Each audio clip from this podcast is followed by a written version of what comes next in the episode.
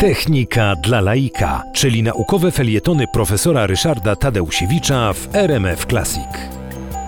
Komputer może tutaj pełnić rolę takiego bardzo pieczołowitego, starannego edytora.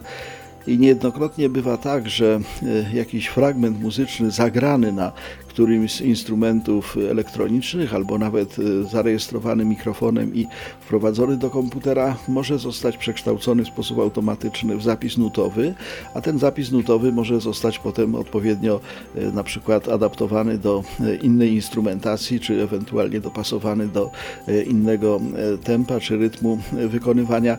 To wszystko jest możliwe.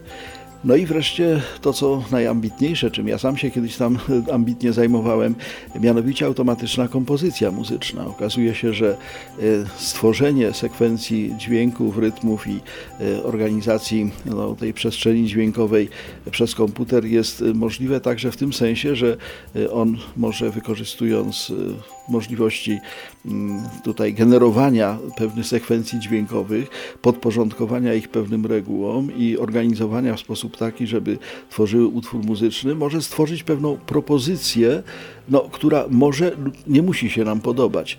Tu jest właśnie granica pomiędzy możliwościami maszyny a nieodzownością człowieka.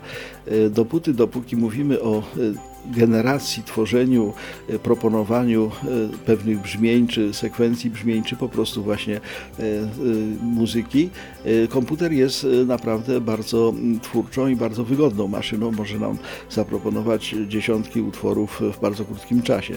Natomiast no, potem pojawia się element estetyczny, mianowicie no, człowiek musi ocenić, która z tych prób mu się podoba, która będzie najprawdopodobniej odpowiadała słuchaczom, która na przykład nawiązuje do tego nastroju, który chciał zbudować, jeżeli na przykład mówimy o muzyce filmowej.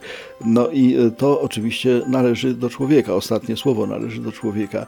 E, niemniej kompozycje muzyczne z komputera są możliwe i e, swojego czasu bawiłem się w to, że analizowałem utwory Bacha z takiego zestawu Foltemperite Klawier tam fugi Bacha, które mają takie bardzo matematyczną budowę, były analizowane, a potem wytwarzaliśmy e, kopie, które wprawiały w zakłopotanie specjalistów, dlatego że okazywało się, że no tak, no to chyba jest Bacha, bo widać ten jego taki rytm, ale co to może być za utwór? To była po prostu generacja komputerowa.